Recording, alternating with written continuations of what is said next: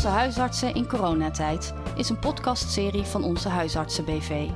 Een ontzorgende en ondersteunende organisatie van, voor en door aangesloten huisartsen in de regio Arnhem en omgeving. Deze serie is het inhoudelijke jaarverslag van 2020 en staat grotendeels in het teken van corona. Wat betekende het voor het werk van onze huisartsen en huisartsenpraktijken? Voor de samenwerking met partners? En wat nemen we mee in onze professionele bagage richting de toekomst? Ilko Visser gaat er in deze editie over in gesprek met. Willem Regoe, algemeen directeur ad interim, en Raymond Wetsels, voorzitter van de coöperatie Onze Huisartsen. Nou, in de vijf jaar voor corona eh, heeft onze huisartsen kunnen bouwen aan de coöperatie. Nu hebben de huisartsen vanuit vertrouwen echt ruimte gegeven in 2020 aan het crisisteam om beslissingen te nemen voor de hele groep. Hoe kijken jullie tegen deze beweging aan? Ja, vorig, het thema van vorig jaar, daar hebben wij niet voor gekozen, maar dat is ons overkomen. Van tevoren stel je met elkaar een haarop op, het huisartsenrampen- en opvangplan. En de algemeen directeur van onze huisartsen is voorzitter daarvan. En dan start je met zo'n haarop om namens alle huisartsen zo goed mogelijk die crisis te coördineren.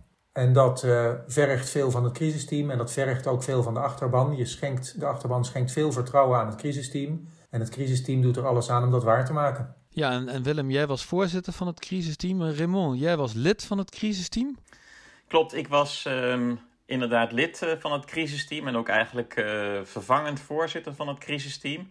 En uh, naarmate het jaar vorderde en de crisis vorderde, zagen we ook wel dat verbinding tussen het crisisteam en het bestuur en daarmee de Raad van Afgevaardigden en eigenlijk de achterban ook van belang is en was. Dus we hebben dat in de loop van het jaar ook echt geformaliseerd. Dus aanvankelijk zat ik erbij omdat dat praktisch leek, maar later uh, is het geformaliseerd omdat, nou, op een gegeven moment als de crisis langer duurt, de scheidslijn tussen is het nog een crisis of is het bijna reguliere zorg, ja, die vervaagt wat. Uh, en dan is het goed om elkaar op de hoogte te houden en vast te houden. En nou ja, ook de input vanuit de bestuur- en RVA-kant uh, te geven. Ja, Willem, kun, kun jij eens reflecteren op, op het functioneren van het crisisteam? Is dat eigenlijk van meet af aan voorspoedig gegaan? Of zijn jullie toch nog onderweg de nodige hiccups tegengekomen? Um, nou, ik denk dat met name de crisis de nodige hiccups um, met zich mee heeft gebracht. Omdat eigenlijk alles onverwacht kwam. En ook nog eens een keer op het allerlaatste moment. Um, en er zaten best moeilijke dingen bij. Je vergeet het bijna weer, maar we hebben in het begin natuurlijk te maken gehad met schaarste van de persoonsbeschermende middelen. En vervolgens een enorme schaarste onder de testmogelijkheden. En de zorg ging wel door. Dus er is een enorm beroep gedaan op de veerkracht van iedereen als individu om te blijven functioneren als triagist of als huisarts of als uh, assistent of verpleegkundige. En er is ook een enorm beroep gedaan op de, de gezamenlijkheid en die groepskracht om met elkaar die situatie het hoofd te bieden. Want je bestrijdt die pandemie niet in je eentje. Bepaalde posten hebben de functie gekregen om juist speciaal coronapatiënten op te vangen. Er zijn um, telefonisch consulten afgenomen door huisartsen. Dat gebeurt nog steeds om juist uh, de wachtkamers uh, te ontzien op de posten. Dus er zijn een heleboel mensen in nieuwe rollen terechtgekomen. En het was echt bijzonder om te zien hoe goed dat ging en hoe mensen een enorme bereidheid toonde om die, om die nieuwe rol op te pakken. Raymond, als je nu eens terugblikt, wat, wat, wat, wat hebben die eerste maanden, denk ik, hè? want toen, toen voelde iedereen de crisis zeg maar, op, zijn, op zijn hardst, zal ik maar zeggen. Wat heeft dat betekend voor de, voor de samenhorigheid en solidariteit van de huisartsen?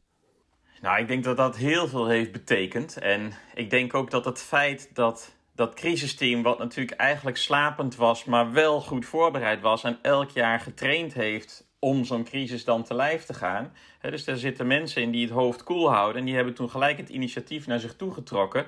En door dus heel regelmatig memo's uit te geven, hebben ze daarmee de collega's in de regio ondersteund van hoe te handelen nou in deze tijd. Ja, het overkwam ons en ineens uh, liepen onze spreekuren leeg en uh, we, konden mensen niet zien. We hadden te weinig uh, persoonlijke beschermingsmiddelen. We moesten in Hago's um, gezamenlijk corona-verdachte mensen gaan zien in kleding en zo, waar we eigenlijk te weinig van hadden. Ja, en hoe doe je dat dan met elkaar? Nou, dat is steeds ja, heel goed aangegeven door crisisteam van wat wel, wat niet. Hè? Hou je bij uh, datgene wat vanuit uh, landelijk, van NAG en LAV in één kwam. Dus het crisisteam was heel erg steunend naar de huisartsen in de regio. En de huisartsen in de regio hebben het team ook heel erg gesteund. Dus die combinatie die heeft, denk ik, voor de, voor de groepskracht en de samenhang in de regio veel betekend. En ik denk ook dat we daarbij echt konden bouwen op de groepskracht die we al hadden. Hè?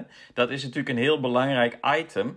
Er was vertrouwen in de organisatie. Ja, het crisisteam uh, hoort daarbij. Ja, en die hebben dat zo goed opgepakt dat dat um, nou, elkaar alleen maar versterkt heeft, denk ik. Ja, ja en, en tot slot eigenlijk een vraag aan, aan jullie beiden. Hoe heeft deze tijd de professionele bagage van, van de huisartsen, maar misschien ook wel van onze huisartsen BV verrijkt? Wat opvallend is voor de afgelopen periode is dat de, er een aantal uh, muren zijn verdwenen die er voorheen misschien zelfs al binnen de organisatie, maar ook tussen organisaties stonden.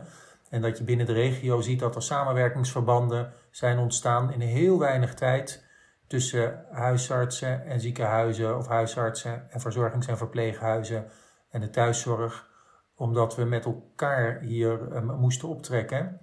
En in één keer bleek dat we daar eigenlijk met z'n allen veel beter in waren dan we, denk ik, um, tot op heden misschien wel hadden ontdekt. Ik hoop dat we dat vasthouden. Kijk, ik denk dat we meenemen uit, uh, uit de afgelopen tijd is in ieder geval toch ook wel een andere manier van werken die ook best past bij huisartsenzorg. En hè, dus dan bedoel ik vooral het digitale stuk. Hè, dus Willem noemde daar straks al meer telefonische consult op een huisartsenpost. Maar in de dagpraktijk zien we natuurlijk ook dat we veel meer telefonische consulten doen. Veel meer met e-consulten werken, met beeldbellen werken. Uh, de spreekuren zijn in die zin veranderd. Dat nemen we mee. Wat we ook meenemen, dat is misschien al eerder genoemd. Maar dat is ook dat je de partijen waarmee je samenwerkt beter hebt leren kennen in een crisis. En dat zal waarschijnlijk ook wel nog vruchten afwerpen in de toekomstige samenwerkingen.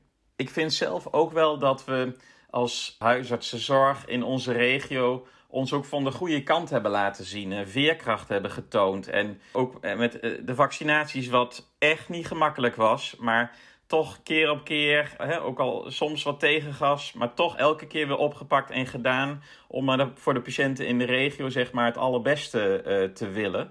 En dat vind ik ook wel mooi om te zien. Hè? En ook onze samenwerkingspartners, mensen in het ziekenhuis, de thuiszorg, verpleeghuis, iedereen heeft de schouders eronder gezet. De apothekers, paramedici die het niet makkelijk hadden om. Ehm, nou, die konden ook geen mensen zien. Hè? En die, die komen dan later wel met revalidatieprogramma's voor corona. Dus ik denk, ja, in de toekomst moeten we ook zorgen dat we dat soort dingen en, en de, de inspiratie dat, dat wat dat elkaar kan geven, zeg maar, hè, dat je dat probeert vast te houden. Want dat zit er dus in.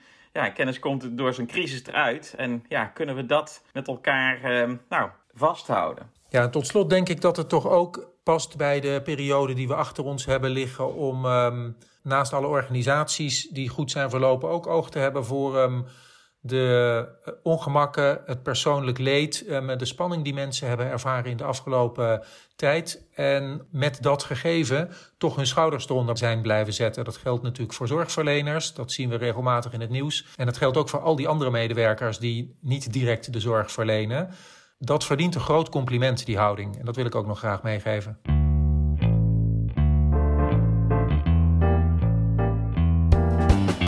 U luisterde naar de podcastserie Onze huisartsen in coronatijd. Presentatie en montage Ilko Visser. De muziek is van Marianne Huiskamp. Mocht u meer informatie willen over onze huisartsen of meer afleveringen in deze serie willen beluisteren, ga dan naar www.onzehuisartsen.nl. Wilt u feedback delen? Graag! Stuurt u dan een mail naar info.onzehuisartsen.nl onder vermelding van podcast. Bedankt voor het luisteren.